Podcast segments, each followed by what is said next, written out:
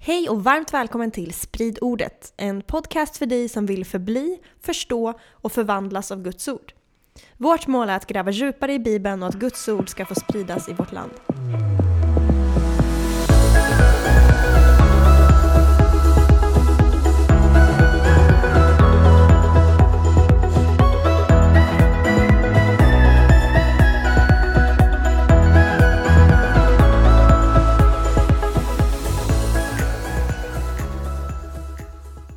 Yes, ett nytt avsnitt av Sprid ordet. Och det har hänt mycket sedan vi spelade in sist. Vi har flyttat, men framförallt så har vi också fått en liten dotter. Så att om ni hör lite gny i bakgrunden eller om någon av oss gäspar högt så vet ni varför. Eller vad säger du Petrus? Ja, hon är här i bär- bärsjalen medan vi spelar in. Ja. Hon vägrade ligga i någon babynest eller någon säng sådär. Så. så om vi, det, ni har klipp mitt i så kan det också vara för att det är just det. En amningspaus eller något. Men vi är så glada att komma igång igen. Ja, jag är så taggad, jag är så taggad på att sprida Guds ord, prata om Jesus, eh, ha Jesus i centrum. Han är det viktigaste av allt. Eh, och det är så kul för vi får in bibelfrågor. Yep. Eh, och vi håller på att gå igenom några innan vi startar en serie. Eh, så mm, vi kan väl hoppa in i det där direkt. Ja, och eh, idag är det tema bön. Och eh, första frågan som någon av er härliga människor skickat in till oss är Vem ber man till i treenigheten? Är det Gud, Jesus eller heligande? Eller av Fadern? Ja, Bra fråga. Verkligen. Alltså jag har själv funderat på den eh, tidigare. Liksom. Eh, och det, det är en så bra fråga, för då kommer man direkt in på läran om treenigheten. Och vi kristna, vi tror ju på en treenig Gud. Vi tror på Fadern, Sonen och den helige Ande.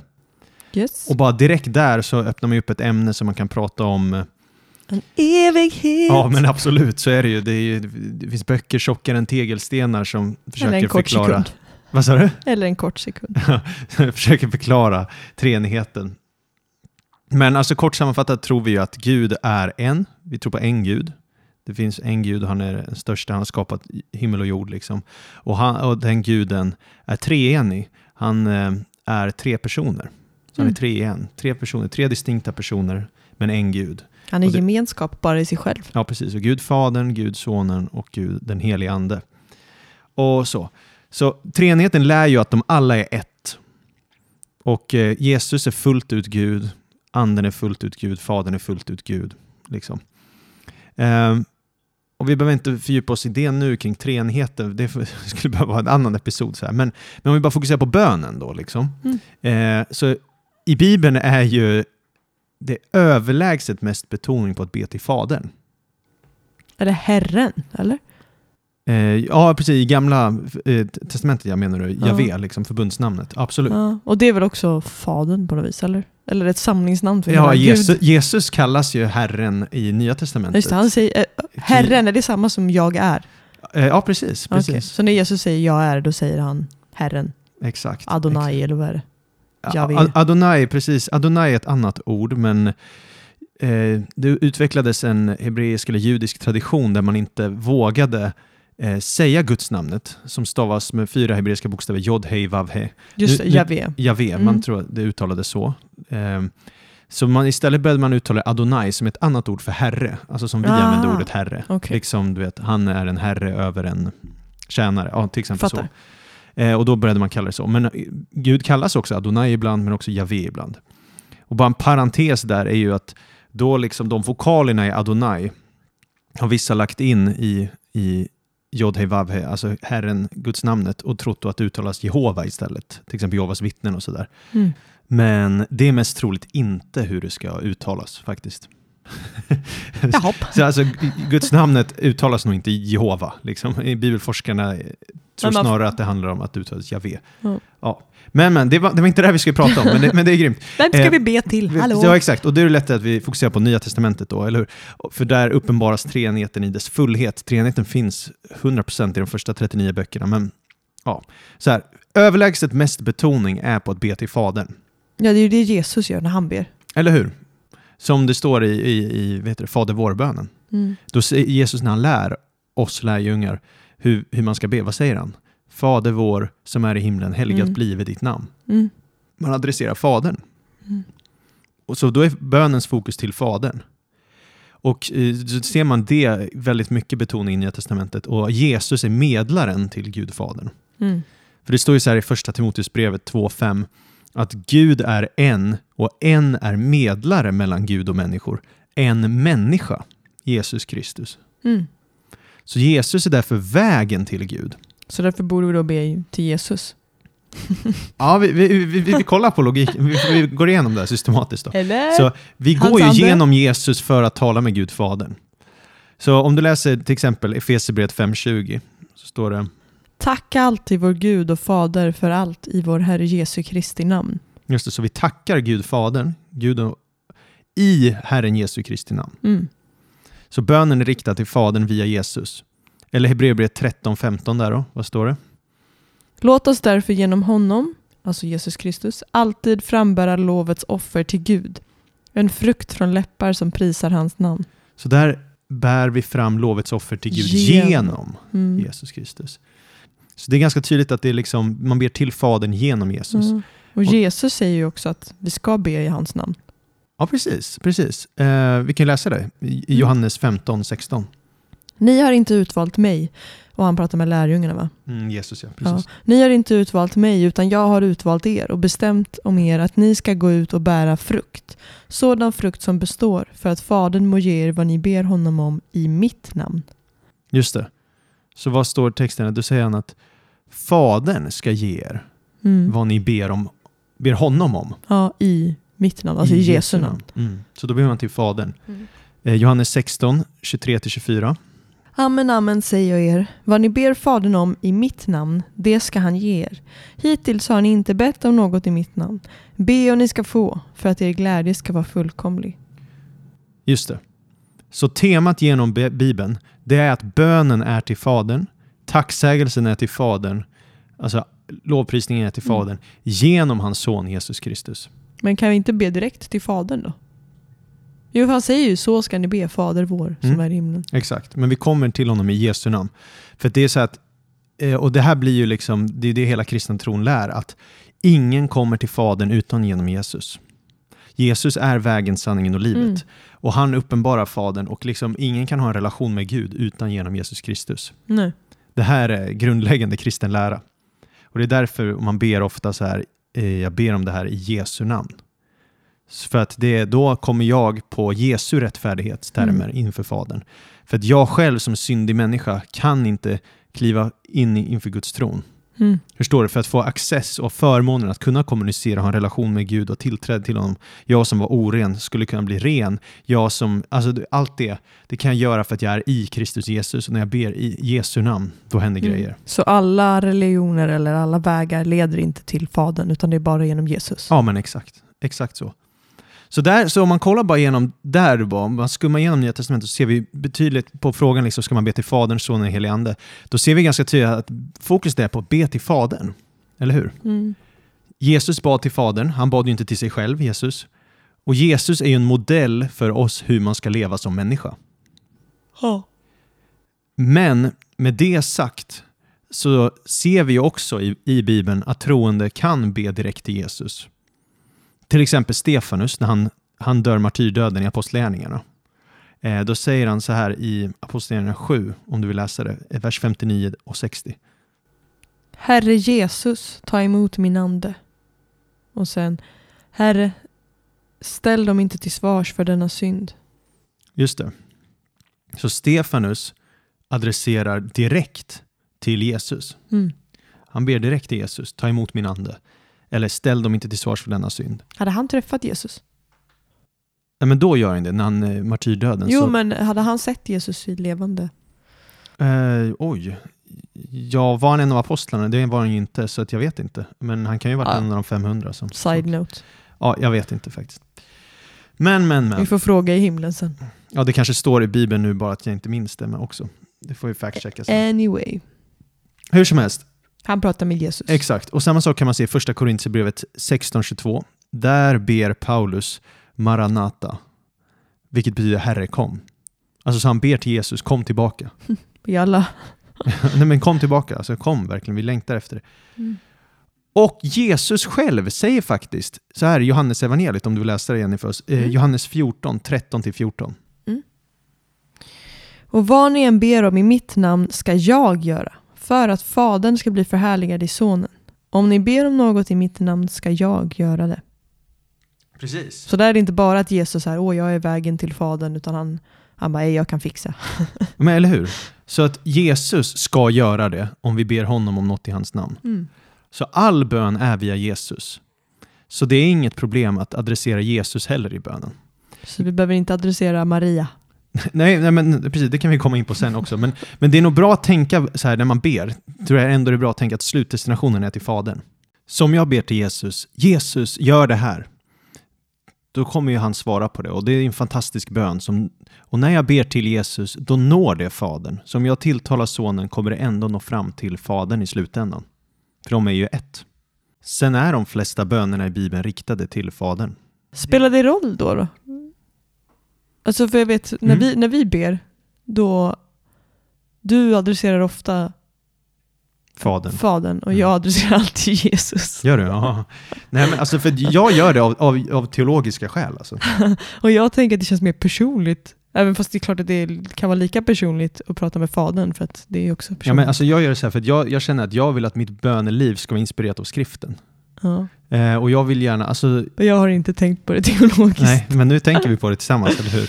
Eh, och Bibeln är ju väldigt tydlig med att vi ska be i Jesu namn, vi ska komma i Jesu namn, vi ska komma i hans auktoritet, hans nåd, hans försoning, allt han har gjort för oss. Liksom. Mm. Det ska vi göra eh, tro, genom tron på honom. Mm. Och vi kommer till Gud bara tack vare vem Kristus är, vad han har gjort för oss och vad han har lovat. Så om vi ber om något till Fadern i Jesu namn kommer han göra det. Så Mm. när vi ber till Fadern då är, i Jesu namn, då är det som att Jesus själv frågar Fadern det. Tänk, Mm. dig, alltså, tänk dig, om jag, om jag ber, frågar dig Jenny, så här, ah, Jenny kan du fråga din pappa det här? Och så går du och frågar din pappa det här. Ja. Eh, då frågar ju du det. Då hör ju din pappa frågan från dig, Ja. fast det är om mina vägnar. Ja. Det är lite samma dynamik då när vi ber till Gudfadern i himlen. Men tror du att jag måste ändra mitt sätt att be för att det ska höras bättre? nej, nej, jag säger inte så. Jag, jag, bara, jag tycker det, det är en väldigt bra fråga som frågeställaren har ställt, för att jag tror det är värt att reflektera över. Alltså så här, eh, det är klart att sista bönen i Nya Testamentet är också riktad till Jesus, alltså Uppenbarelseboken 22.20. Då står det så här, eh, han som betyger detta säger ja, jag kommer snart. Och så står det Amen, kom Herre Jesus. Så då är det ju en bön, kom Herre Jesus. Oh. Oj, vad du gäspar här. Det. att, att vi har en tillbedjan riktad till Jesus också, det är fullt fine liksom i Bibeln. För att vi ser ju i Uppenbarelseboken 5 att tillbedjan och lovsång är riktad till Jesus och, och Lammet. Så det är inget fel att rikta sin bön till Jesus. Det är någonting som är gott. Det är något bra att be till Jesus. Så vi ska be till Jesus. Och bara kom ihåg att när vi ber till Jesus, när vi tillber Jesus allting och förhärligar honom, när vi gör det, då blir ju också Fadern automatiskt förhärligad, för de hänger ihop. Så att be till Jesus, kör på liksom. För det ger ju Fadern ära i slutändan. Sen överväldigande gånger av fallen så är bönen riktad till Fadern. Mm. Så Sen är det också att man inte alltid säger just fader. Som sagt, alltså, i gamla testamentet ber man ju inte fadern så ofta. nej, inte så ofta. Man ber ju oftast herre. Mm. Jag tänker också att det har väl lite vad, vad man själv har för relation till Gud. Om det för dig är jätteviktigt att Gud är en kärleksfull pappa. Då Mm. kanske det är så här, oj, ja, men ja, för mig är det så viktigt just det här karaktärsdraget. För Gud har ju så många karaktärsdrag. Att så här, oh, men för mig är det superviktigt att han är fader. För att jag, det är någonting som jag, jag verkligen är betydelsefullt i min relation till Gud. Ja. Medan någon annan är så här, wow, han är min herre, han är alltid under kontroll, det är honom jag vill följa, bla bla bla. Mm. Det är viktigast. Eller Precis, och det Jesus, ja, ja, det är liksom just det här med korset, det här är det, det som gjorde att jag blev frälst. Bla, eller så här, jag tänker att det har Ja, mycket precis. att göra med personliga Eh, ja, relationer. Absolut, absolut. Men sen ska man nog jag tror att det är bra att liksom vara öppen för att vidga sina perspektiv så man inte Absolut. låser sig vid ett perspektiv. För, så att man får med alla perspektiv Bibeln lär. Liksom. Och det är därför jag tror att generellt det är bra också att be ut bibelord eh, Mm. när man ber. När jag ber på engelska så säger jag nästan alltid Lord. Mm. Ja, men, ja, du hör ju. Liksom. Kanske för att det låter så svengelskt när jag uttalar Jesus på engelska. Ja, jag vet inte Jenny, men, men, så här, men om vi bara tänker typ så här, jag vill inte vara så här superdogmatisk när, när det gäller det här, men, men, men jag kan störa mig ibland på när folk ber typ så här, Jesus tack för vi är dina barn. För Jesus är vår bror. Ja, alltså rent teologiskt sett så är vi ju snarare faderns barn och bröder till Jesus. Eller systrar. Ja, precis. Även om, alltså så här, bara en parentes nu för den som vill nörda in sig, så Hebreerbrevet 2.13 skulle kunna indi- indikera att man kan ses som barn till Jesus också. Men det är lite oklart där. Vad står det där då? Ja, jag, jag gjorde det just som en parentes för då måste vi gå in på det en massa. Men det är ett Okej. citat från Jesaja där Okej. som citeras och i kontexten skulle det kunna appliceras till Jesus då. Eh, men, men alltså, det viktigaste är ju att vi ber och söker Gud och han är treenig och han vet ju att vi ber till honom. Mm. Så det finns ingen skäl liksom att vara Nej, och motivet och hjärtat bakom är liksom viktigare än vad man säger. Ja, absolut, absolut, så är det ju. Men jag tycker ändå det är viktigt att lyfta det här. Verkligen. Alltså, och det, är så här, det är ingen fördömelse om man bara ber till Jesus, men jag tror att det är viktigt att lyfta perspektivet att okej, vänta, Bibelns författare, när de skrev det här, de tänkte sig mycket mer att vi ber till Fadern Mm. och vi har tillträde till honom genom Jesus Kristus som Mm. är medlaren mellan Gud och människor, även om Jesus är 100% Gud och människa. Alltså Mm. det perspektivet. Eh, Eh, och, och sen har vi anden också. ja, precis. Jag skulle precis ställa den frågan. Vad, hur ska man tänka där? Jag har inte hittat en enda bön i Nya Testamentet som är riktad till anden. Varför då? Varför? Jag, kan- det, jaha, det kan jag inte svara på. Jag antar att för att de bad inte till anden då, antagligen. Nej, anden är väl mer genom vilken det sker. Ja, exakt. Så anden är ju den här tredje personen i gudomen. Och han ska ju vara delaktig i våra bön, böner. Han är ju den som manar oss till att be. Han Mm. lär oss vad vi ska be för. Han hjälper oss i vår svaghet. Anden i oss ropar fader och drar oss mot fadern och sonen. Typ så. Mm. Och då blir det så här, är det fel att adressera anden? Nej, jag, jag har svårt att tro det eftersom de är, de är ju ett. Ja. Men däremot så verkar inte det vara fokuset i skriften. Jag, jag, tänker, jag, jag tänker bara så här att det, det vore ju sunt teologiskt att bara fokusera så som Bibeln fokuserar på det. Så i de bibeltexter vi har så ber man inte, man ber inte så här, helig ande, jag ber om att få ta, om, eh, ta del av Fadern. Nej. Utan i, i till exempel Lukas 11 står det att man ska be Fadern om att få ta del av anden. Mm. Men är inte anden liksom eh, eh, det som ska peka på Jesus? Alltså målet, till exempel om eh, det är genom heligandes kraft eh, någon börjar prata kinesiska i anden liksom. Utan att den kan det egentligen för att heligande verkar i det Mm, rummet mm, där och då. mm. Då är det ju inte så här, åh nu ska vi rikta våra ögon till anden, utan anden gör ju så här för att rikta våra ögon till Jesus. Ja, men precis. För vad Jesus har gjort. Exakt. Står det inte någonstans att det är Jesus, Jesus- ande? Jo, ja, absolut. Och så står det Faderns ande också på ett annat Ja. ställe. Så de är ju ett, liksom. så är det ju. Eh, och, och, men allt är ju bara för att Gud ska få äran, eller hur? Ja. Allt Jesus gjorde var ju för att Fadern skulle få ära. Liksom. Mm. Och Fadern förhärligar Sonen och Sonen förhärligar Fadern. Och det är liksom ett ömsesidigt utbyte, ut, utbyte där. Men eh, okej, andens roll i bön. Ja, alltså, om du läser det här Efesierbrevet 2.18 så kanske vi har något där i alla fall att ta på. Eh, vad sa du? Efesierbrevet 2.18? Efesierbrevet Yes. 2.18. Ty genom Kristus Jesus har vi båda, jude och hedning, i en och samma ande tillträde till Fadern. Just det. Så att vi, genom Jesus, i anden har vi Mm. tillträde till Fadern. Mm. Så att vi behöver både anden och sonen för att ha tillträde till Fadern på något sätt. Så, och så ser man också hur anden fungerar som förebedjare och hjälper oss att be. Mm. Om vi läser Romarbrevet 8, 26-27 där. Så hjälper också anden oss i vår svaghet. Ty vi vet inte vad vi bör be om, men anden själv ber för oss med suckar utan ord. Och han som utforskar hjärtan vet vad anden menar, eftersom anden ber för de heliga, så som Gud vill. Just det, så anden själv ber för oss. Anden är som en förebedjare. Mäktigt. Jättestarkt. Och han utforskar hjärtan. Alltså, eller han som utforskar hjärtan, alltså Gud, han vet vad anden menar eftersom anden ber för de heliga så som Gud vill. Så anden ber för oss. Anden är vår personliga förebedjare kan man säga inför Fadern. Den du. Den du. Och samma sak så är det, ser man i Hebreerbrevet också, att Jesus är vår förebedjare. Det står nämligen i Ja, Hebreerbrevet det är också coolt. Att ehm, typ så här, Hebreerbrevet 7.25 så står det att Jesus helt och fullt kan frälsa dem som genom honom kommer till Gud för att han alltid lever för att mana gott för dem. Eller eh, alltså på engelska står det to make intercession for them. Mm. Alltså han, han lever för att, eh, Bibel 2000 säger vädja för dem. Alltså han, han står i förbön Mm. för oss, Jesus också. Så anden och sonen står i förbön för oss. Så här. Jag tycker det är väldigt starkt. För att det ska vara del i att fullborda liksom vårt, vår helgelse och det liv Gud kallat oss till. Mm. Så anden ger oss då kraft. Han hjälper oss att be. Eh, vi, när vi ber så ska vi be i anden. Eh, alltså ledda av han, anden och anden hjälper oss att be. Anden kan tala till oss i bön. Han hjälper oss leva det kristna livet. Så är det fel att be till anden? Nej, det har jag väldigt svårt att tro. Eller hur? Mm. Men Så- det verkar inte vara det som är fokuset. Nej men precis. Och jag tänker bara så här att eh, det är väl nice att fokusera på samma sak som Bibeln fokuserar på. Mm. Är det fel att be kom helig ande? Nej, det Nej. tror jag inte. Men samtidigt så, liksom, det verkar inte vara någon Det är fokus väl en, på en det. inbjudan. Ja, Hej.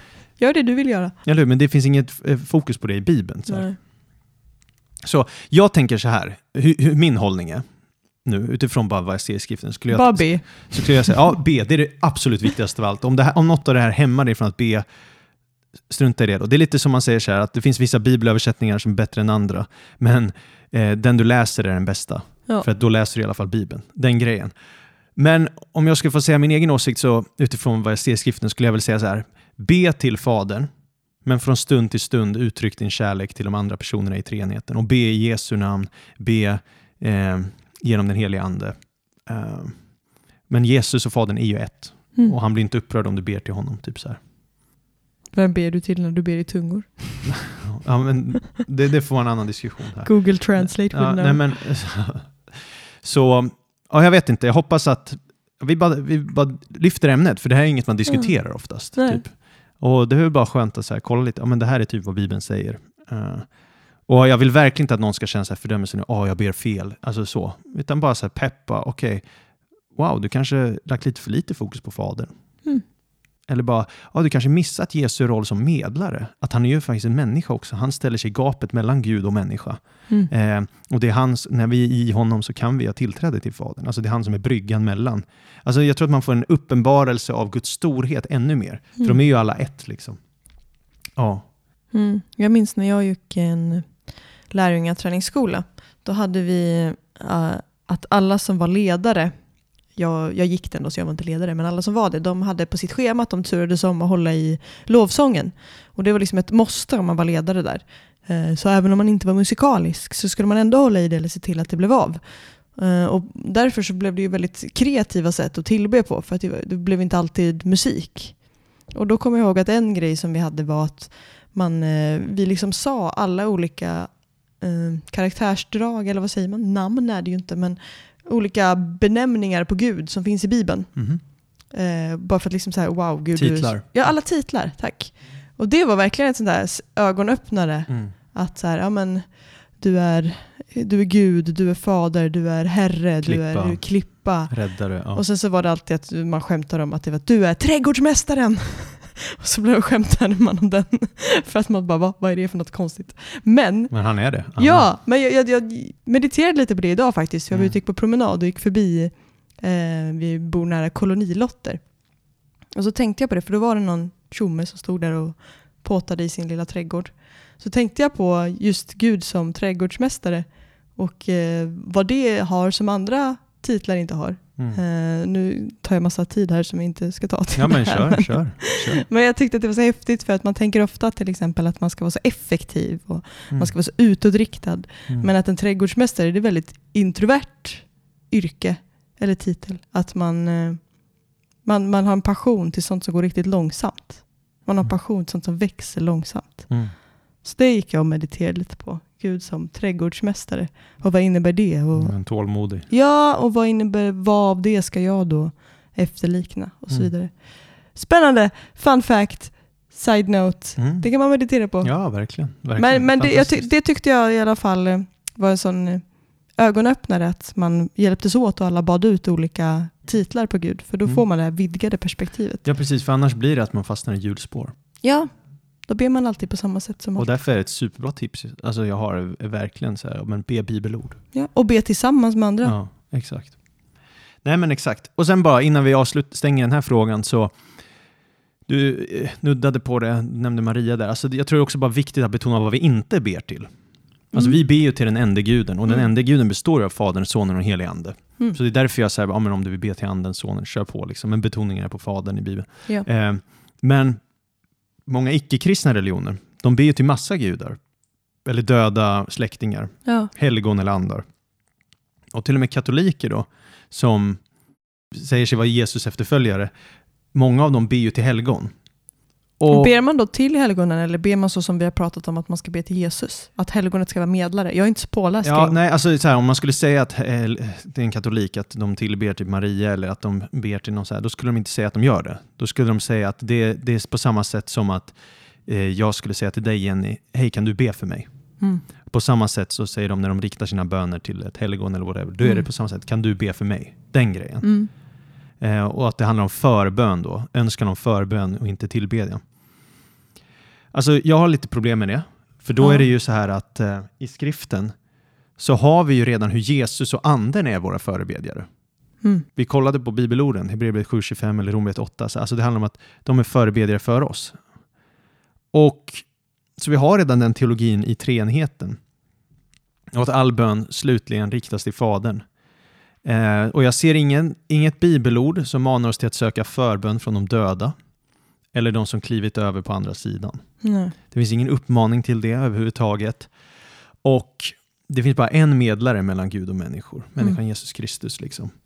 Och, så jag ser väldigt mycket problematik i den hållningen och den teologin. Liksom. Jag ser det inte som bibliskt, jag ser det inte som något bra.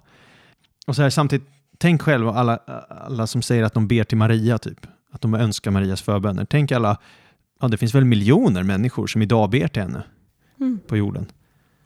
Om hon bara är en människa och inte Gud, hur i all sin dar ska hon kunna ta emot alla de bönerna? Just det. Förstår du vad jag menar? Alltså det är som att man- Overload. man, System overload. De, även om de kanske inte själva säger det så blir det ju automatiskt så att de nästan de gudomlifierar henne. Mm. För då, om de säger att miljoner människor nu ber till henne och säger hej, be för oss istället. Men, Hon har mycket att göra. ja, exakt. Och här vill jag bara eh, säga så att men vi som kristna, vi kan ju ha direktkontakt med Gud. Ja. Varför gå via Maria? Alltså liksom lite den här, vi har direktkontakt med Gud nu genom Jesus Kristus. Mm. Kör på det. Och här vill jag bara slå ett slag också för vårt avsnitt religion versus relation, där vi ser det temat genom Mm. hela eh, Bibeln, liksom. även Gamla Testamentet, Tanakh-perioden. Mm. Alltså att vi kan ha direkt relation med Gud. Mm. Gå inte ge- genom någon medlare, utan gå genom Jesus Kristus. Han är den enda medlaren, han är Gud själv. Mm. Och du kan ha en personlig relation med Gud. Eh, Ja, typ så vill jag peppa oss. Yes. Ja, amen. Grymt. Vi har fått en till fråga om bön.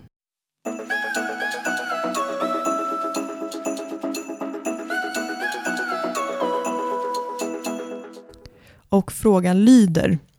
Enligt Jesus ska vår bön, om den ligger i Guds intresse, tas emot som om den redan är genomförd. På ett annat ställe uppmanas vi att tjata på Gud tills, dess, tills att den genomförts. Varför då? Bönen ligger ju så att säga redan och skvalpar i den övernaturliga världen tills den är eller kommer att genomföras. Om första delen av frågan är sann borde tidsfönstret för att ta upp fler bönämnen bli större. Antar att ni som så många andra får frågan kan du be för mig? Ja. Om du skulle sammanfatta frågan lite kortare. Ja, alltså frågan är egentligen eh, varför bör man be fler gånger på någonting? För det står ju i Bibeln att han hör första gången vi ber. Eh, är det inte bättre då att bara Mm. eh, be en gång för det och sen istället för att säga till fler kan du be för mig så har man ju Mm. bett det en gång och sen ber man för fler ämnen. Mm. Om, det, om det räcker med att be Mm. för något bara en gång då hinner man ju be för asmånga fler saker. Liksom. Ja. Så istället för att tjata på dem så räcker det med att man ber för varje sak en gång. Är bön logisk? Nej, det är ju, eller hur? Bara där har vi en intressant... Jag, jag har funderat på den här frågan också. Så här, för på, ett, på vissa ställen så säger Jesus att eh, fariseerna ber och tror att de ska bli hörda för sina många ords skull. Mm. Och då är det verkligen så här, ja men be en kort bön. Mm. Uppmanas det ju till. Mm. Så här, ja ja, varför ska man hålla på och be massa fina Mm. ord och grejer Mm. när man bara kan säga alltså Gud hjälp mig. Ja. Och så svarar han på det. Mm. Medans som frågeställaren också lyfter att så här, det står ju att man ska tjata i princip ja, också. Ja, ja, exakt. Och är det då det ena eller det andra? Eller Och sen är det en tredje... Oj. där är någon liten som ber sina första ord. Nej, men och där så har vi en tredje grej också. Och det är han som förmår göra långt mer än det vi ber om eller tänker. Genom den kraft som mäktigt verkar i oss. så vi behöver inte be. Nej, Alltså, skojar. så att, men, det har en tredje aspekt också. Ibland Ja. ger han oss saker vi inte ens bett om. mm. Eh, så det är ju väldigt intressant det hela. Så bara bön är ju intressant ämne i sig. Men ja, ja. är bön logiskt? Nej, det är det väl inte. Eller hur? Ibland. Vi får, väl inte. bara, vi får väl egentligen bara tänka så här att vi vill leva i lydnad gentemot Gud och lita på hans suveräna vägar och hans Mm. allmakt och att vi- får lyda det han säger oss till och sen behöver vi inte förstå allt. Mm.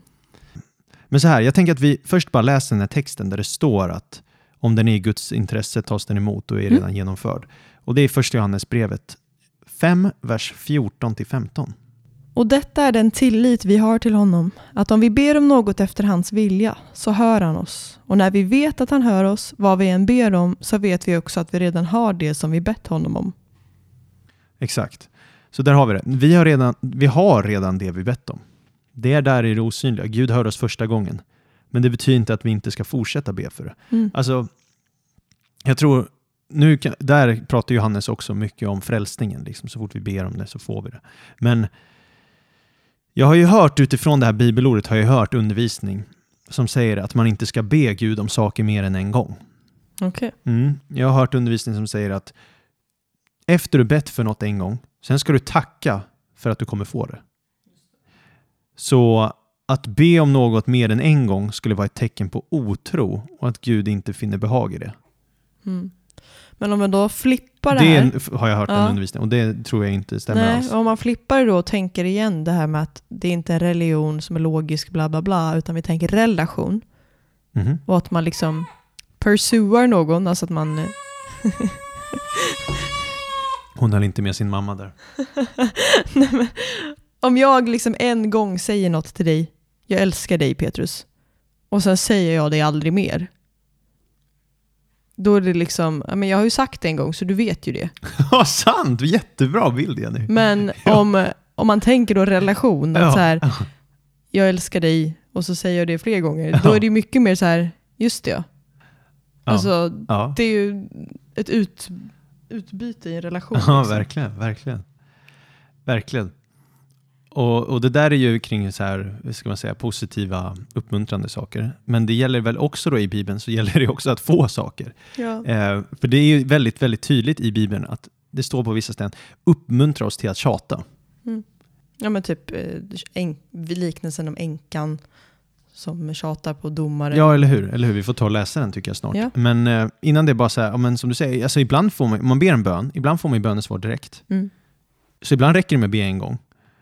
Men vi ser också i Bibeln att det, det finns något i att vi ska fortsätta tjata på saker. Eh, och innan vi läser den där liknelsen du pratade om så tänker jag att vi kan läsa eh, Matteus evangeliet kapitel 7 ska vi läsa. För jag, jag tror så här också, jag tror att anden kan lägga saker på vårt hjärta. Så vi vet när vi ska fortsätta tjata eller inte också. Ibland är det Just väl det. bara att be så här, poff, så har vi det. Men, men om vi läser Matteus 7 så ska vi se där vers 7 till 8. Be och ni ska få, sök och ni ska finna, bulta och dörren ska öppnas för er. Ty var och en som ber han får och den som söker han finner, och för den som bultar ska dörren öppnas. Precis, och där på grekiska står det fortsätta be. Liksom be och be, bulta och bulta. Mm. Och jag älskar då hur kärnbibeln, som är en så här översättning med lite mer expansioner, alltså tillägg, uttrycker det. Om du vill bara läsa det också. Då står det så här. Be, fråga gång på gång, så ska det ges åt tilldelas er. Sök, leta och undersök gång på gång, så ska ni finna. Bulta, knacka gång på gång, så ska det öppnas för er. För var och en som ber och fortsätter att fråga, han får, tar villigt och aktivt emot. Och den som söker och fortsätter att leta och undersöka, han finner alltid mer. Och för den som bultar och fortsätter att knacka ska det öppnas öppnas upp. Ja. Och så står det så här i en kommentar då i kärnbibeln, står att den aktiva presensformen, alltså fortsätt be, sök och bulta, visar att det handlar om uthållig bön. Mm. Och passivformen i futurum, alltså ska ges och ska öppnas, i vers 7, det ramar in och indikerar att Gud är subjektet. Det vill säga att han är den som kommer ge bönesvar och att han är den som kommer öppna dörrar. Mm. Och det förstärks av sista verbet i vers 8 som också är i passiv form. Så de grekiska orden för att finna och att öppna används i båda verserna. Däremot skiljer sig orden åt i slutet på första strofen i varje vers. Så i vers 7 står ordet för att ge eller slash tilldela, didomi, medan vers 8 har ordet för att få och ta emot, lambano. Verbformerna visar att det som blir givet i passiv form Här uppmanas att villigt tas emot i aktiv form. Så med andra ord, alltså Gud är den som öppnar dörrar, men vi ska aktivt ta emot det. Mm. Och, och Poängen här är då att på grekiska blir väldigt tydligt att vi ska fortsätta, vi ska tjata, vi ska söka, vi ska be, vi ska bulta. Vi ska göra det här aktivt liksom, hela Mm. tiden. Eh, Och fortsätta göra det konstant.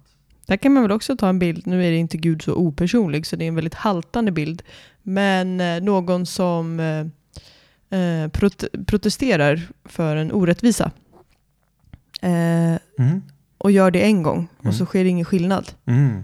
Men sen gör man det igen Just det. och igen och igen och Mm. igen och igen och till sist så hör regeringen och gör ett lagändring Ja, ja, men, whatever. ja, men absolut. nu är det en jättehaltande bild. nej, nej, att- nej, nej, det är inte en haltande bild, för Jesus själv eh, använder typ sådana liknelser. Så Mm. att, ja. Verkligen, det är jättebra. Och, det är, och, och sen i kontrast att Gud är gudomlig och inte mänsklig. Då. Ja. Mm. Men ja, precis, det står på flera ställen om uthållig bön. Det första Thessalonikerbrevet 5.17, Paulus säger till församlingen be oavbrutet. Har du lyckats? Eller om vi tar de här liknelserna då, som du var inne på. Om vi, om, det finns två liknelser i Lukas evangeliet om bön. Mm. Den ena är i kapitel 11, den andra i kapitel 18. Om vi börjar med den i kapitel 11 och så läser vi från vers 5. Han sa till dem, om någon av er har en vän och går till honom mitt i natten och säger, käre vän, låt mig lå- äh, låna mig tre bröd. En vän som är på resa har kommit till mig och jag har ingenting att sätta fram åt honom. Vem av er skulle då inifrån huset få till svar, låt mig vara i fred. Dörren är redan stängd och mina barn och jag har gått och lagt oss. Jag kan inte stiga upp och ge dig något. Jag säger er, även om han inte stiger upp och ger honom något för att det är hans vän, så kommer han att stiga upp och ge honom allt vad han behöver för att inte själv bli utskämd. Jag säger er, be och ni ska få, sök och ni ska finna, bulta och dörren ska öppnas för er. Ty var och en som ber han får och den som söker han finner, och för den som bultar ska dörren öppnas. Finns det bland er någon far som skulle ge sin son en orm när han ber om en fisk? Eller en skorpion när han ber om ett ägg? Om ni som är onda förstår att ge era barn goda gåvor, hur mycket mer ska då inte er far i himlen ge den heliga ande åt dem som ber honom? Precis, så bilden här är ju att någon kommer på natten och besvärar. Och då kommer personen öppna. Mm. Och på samma sätt då ska vi besvära, alltså citationstecken, Gud med våra böner. Och det här är väl också en För han kommer besvara då. Ja, Och det här makar väl mer sens i kulturen också eftersom om, om jag skulle applicera det här till mig själv, om någon ringer på min dörr mitt i natten, då blir jag kanske rädd och inte öppnar. Men, Ja. men eh, i den här kulturen så handlar det ju mer också om, för han pratar ju om att bli utskämd. ja det är lite exakt. mer så här hederskultur, Ja, att det är exakt. självklart att man ska hjälpa Ja. på grund av att ens rykte bla bla bla. Mm. Så att när han berättar den här liknelsen så makar det ju mer sens, att det är klart han öppnar liksom, håller alla med om. Precis, så poängen är ju lite så här. Om du har tro för att din vän ska öppna dörren mitt i natten när du bultar på hans dörr, hur mycket mer ska inte vår himmelske fader låta oss få bönesvar när vi ber till honom? Mm. Ja. Eh, om vi tar en annan liknelse då, om uthållig bön bara. Du Ja. vågar tjata och vara besvärlig, och, även gentemot Gud. Då. Det är Lukas 18. Om vi läser åtta verser där. Jesus berättade för dem en liknelse för att visa att de alltid borde be utan att tröttna. I en stad fanns en domare som varken fruktade Gud eller hade respekt för människor. I samma stad fanns en änka som gång på gång kom till honom och sa Ge mig rätt inför min motpart. Till en tid ville han inte, men sedan sa han till sig själv Även om jag inte fruktar Gud eller har respekt för någon människa ska jag ändå ge den här änkan rätt därför att hon är så besvärlig. Annars kommer hon till sist att pina livet ur mig med sitt ständiga, sina ständiga besök. Och Herren sa, hör vad den orättfärdige domaren säger. Skulle då inte Gud skaffa rätt åt sina utvalda, så ropa till honom dag och natt, då han ju lyssnar tåligt till dem. Jag säger er, han kommer snart att skaffa dem rätt.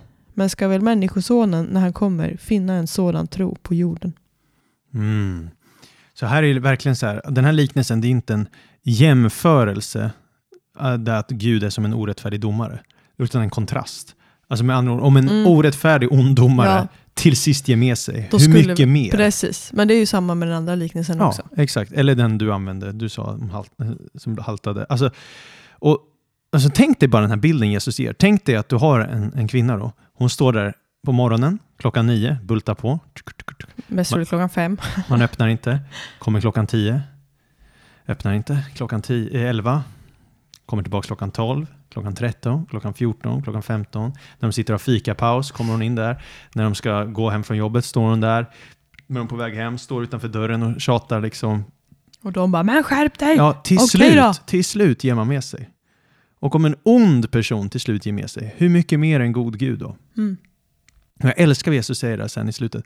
Kommer det ens finnas en sån tro på jorden när Människosonen kommer åter? Mm. Alltså i de sista dagarna, kommer det ens finnas en sån tro där man uthålligt ropar till Gud? Så slutsatsen från den här liknelsen måste ju vara att vi ska fortsätta be för saker. Jesus berättar ju liknelsen att vi alltid ska be uthålligt. Alltså att fortsätta be för något är inte ett tecken på otro, Nej. utan på tro. För det är vad Lukas 18 säger. Så det här som jag har hört vissa undervisa om att ja, det är tecken på otro om du fortsätter be för saker, sen ska du bara tacka. Det stämmer inte. För Jesus själv här säger, alltså var uthållig i bönen, kommer ens finnas sån tro? Mm. Så det är verkligen ett tecken på tro när du fortsätter tjata på Gud, när du inte ser ett bönesvar och fortsätter be för det. För du Mm. håller ut, för du vet att Gud hör och han kommer svara en dag. Om jag bara är uthållig. Mm. Och då blir frågan så här, okej, varför dröjer vissa bönesvar? Och det enkla svaret är vi vet inte. Sen är det klart att det kan finnas olika anledningar. Vissa saker kan handla om timing, att allt har inte fallit på platsen och Gud vet att det inte är lämpligt eller inte Mm. passar just i den stunden. Ibland har det ju med att han vill att det ska formas karaktär i oss innan. Ibland kan det ju ha med andlig krigsföring att göra. Mm. Att, eh, ja, det finns ju så här, det finns ett praktexempel på det i Daniel 10. Vi behöver inte ta upp det nu, men där, där, där, i Daniel kapitel 10 så står det verkligen om hur, hur det är ett krig i himlarymdarna eh, och hur det liksom som hämmas bönesvar där till Daniel för att eh, ja, det uppstår ett krig. Liksom. Men Daniel fortsatte uthållig i bön och fasta och till slut så kommer då svaret eh, för att han, ja, budbäraren då, ängeln, lyckas till slut ta sig fram till honom. Mm. Så det finns ju så här, det finns ju olika förklaringar. Ibland har det med den här osynliga världen att göra. Ibland har det med andra förklaringar. Vi vet inte alltid. Men vi behöver bara veta att vi ska fortsätta be. Ge inte upp. De här sakerna du bett för i flera år, sluta inte be för dem. Alltså om du be, har bett för Mm. någon sak nu i flera år, ge inte upp. Kom on, fortsätt. Det är inte, bara för uteblivet bönesvar betyder inte att Gud inte vill det. Utan fortsätt tjata. Fortsätt vara pain in the ass. Som den här änkan eller som den här vännen som dyker upp mitt i natten. Alltså våga vara jobbig. Det, jag är chockad över hur ofta Gud belönar sådana som vågar vara besvärliga och jobbiga. Frimodighet och stor lön. Ja, verkligen. Eller som den här eh, hedniska kvinnan i evangelien som bara springer fram och säger typ så här, även hundarna äter smulor från bröden när Jesus först har nekat henne. Alltså den här desperationen, att Gud Mm. verkligen bara lönar folk som är totalt desperata. Jag tycker det är häftigt. Mm. Och en annan sak den uthålliga bönen gör med oss, det är ju att jag tror att ju längre vi dröjer kvar i bön, desto frimodigare blir vi. Eh, jag tänker på den här berättelsen om Abraham i Första Mosebok 18, där han börjar förhandla med Gud i bön. Och ju längre han stannar kvar i bön, desto mer vågar han be om. Han säger så här först, skona staden om det finns 50 rättfärdiga. Sen säger Gud, okej det gör jag. Så vågar han dröja kvar, bara, okej 40. Gud bara, absolut. 30, 20, 10. Och bara, för 10 skull kommer jag inte förstöra staden. Och så ju längre Abraham är kvar i bönen, desto frimodigare böner och större böner vågar han eh, hålla ut i. Så jag tänker att det är mycket sådär, Mm. det gör något med vårt böneliv också, att vara uthålliga. Ja, och jag tänker också ett, ett annat syfte. Um, alltså, det är så typiskt Gud att så här, det inte bara är... Alltså att själva resan är också målet. Mm. Att, eh, ehm, ja, men, om vi tänker vad bön faktiskt är, det är ju att snacka med Gud. Och på, det kan ju bli som någon form av terapiform för oss själva också. Mm. Att man vänder sig till Gud med sin klagan eller whatever istället för att vända sig till något negativt. Att allting är så här eller bla bla bla eller man går och klagar till någon. Att man då istället vänder sig till Gud. Det blir ju en terapi för en själv. Ja, precis. Och att, så att man sätter sitt eget fokus på rätt sak. Man lyfter liksom blicken från vågorna till... Ja, det är ju ett himlen. annat syfte i bön, absolut. Alltså, bön har ju jättemånga olika syften, Ja. men det är ett av syftena, absolut, 100 procent. Nej, men så Bibeln är fylld med människor som bad uthålligt och länge och desperat. Typ Hanna i första Samuelsboken, hon ber om att få Samuel. Till slut får hon ju det. Eh, ja, det finns hur många stories som helst, liksom. vi behöver inte dra dem alla. Men jag, jag tror bara, jag vill ge en pepp här, att fortsätt be, ge inte Mm. upp. Saker du bett för, för sluta inte be för dem. Nej. Och samtidigt då, att så här, som vi har pratat om så många gånger förut också, men det här med hjärtats motiv. Ber du länge för att du tror att Gud hör bara om du säger massa ord. Då blir det ju också fel. Alltså, eller? Ja, Eller om man så här ber, ja, men som fariseerna som bad högt och eh, Ja, men med många gjorde ja, vackra exakt. ord inför, Ja, inför precis. andra för att de Precis. ville att det skulle... Exakt, och det var väl där, de gjorde det mer för människors skull. Menar, om du är i, i din kammare helt i det fördolda, Mm. då tror jag ju liksom... Eller du kan ju be med massa ord bland folk också, men har du rätt hjärta Ja, i precis. det? Liksom? Det var ju mer för att imponera på människor. Men, men Mm. jag tror desperata böner uthålligt i sin kammare är fine. Mm. Sen är det, det är inte dina fina stora ord som avgör om Gud besvarar eller inte. Nej. Utan det är ju namnet Jesus. Mm. Och sen verkar det finnas någon komponent av ibland med desperation och uthållighet. Men inte Mm. alltid, det är ett mysterium där. Vi får ju väldigt ödmjuka Ja, det, för det är inte logiskt. Nej, nej, nej. Vi får ju bara vara ödmjuka inför mysteriet. Och bara det i sig självt är ju fantastiskt med tron. Mm. Att vi inte vet allt. För då håller Mm. oss ödmjuka. Plus att Gud ser till vår egen kapacitet. Alltså om du ligger hemma och har post-covid och knappt orkar säga ett ord. Mm. Det är klart att Gud, jag menar helig Mm. ande själv, han ber för oss med suckar utan Mm. ord. Mm. Exakt. Alltså, eller ett barn som kan inte sitta i tre timmar och be. Nej, eller om nej, du är fullt exakt. upp och whatever. Mm. Alltså Gud ser ju till var och Mm. en. Ja, men så är det. Så det är ju inte, som sagt, det är inte de många orden, men det finns ändå någon aspekt av uthållighet. Mm. Amen på det. Ja. Amen. Halleluja. Yes, fantastiskt. Spännande, intressant att prata om bön. Ja, det får man prata mer om. Eh, Eller be mer. Be mer, ja det är kanske ännu bättre. Det är nog bättre att be mer. Och ju mer man ber desto mer eh, uppenbarar Gud för en. Ja. Ja, amen Vill det. du avsluta med en bön då? Ska jag göra det? Yes. Ja, okej, men då ska jag ta inspiration från Sakarja 12 där det står att Gud ska utgjuta nådens och bönens ande. Yes. Så jag bara ber Fader nu för varje person som lyssnar att du skulle utgjuta nådens och bönens ande över dem. Att Mm. de skulle ha uthålliga böneliv, att de skulle leva ett liv i tro. Be för dem som har obesvarade bönämnen just nu. Mm. som har gett upp. Jag ber att du fyller dem med nytt mod och ny tro och uthållighet och desperation. Yes. Och att du skulle öppna. Jag ber att de dörrar som varit stängda skulle öppnas. Det man har sökt efter skulle bara finnas nu och det man bett för skulle fås, Herre. Jag tackar dig för det Jesu namn. Jag ber att varje person här som lyssnar på det här skulle få en starkare relation med dig, Fader. Att de skulle få en relation med dig genom din son Jesus Kristus. Jag tackar dig helige Ande att du hjälper varje person just nu att bara söka Faderns ära. Och jag ber om det i Jesu namn. Amen. Amen. Härligt. Fortsätt skicka bibelfrågor till oss eh, på hejatspridordet.se eller via sociala medier. Vi finns på Facebook och Instagram. Eh, så hörs vi. Och nu ska jag gå och amma. kör vi.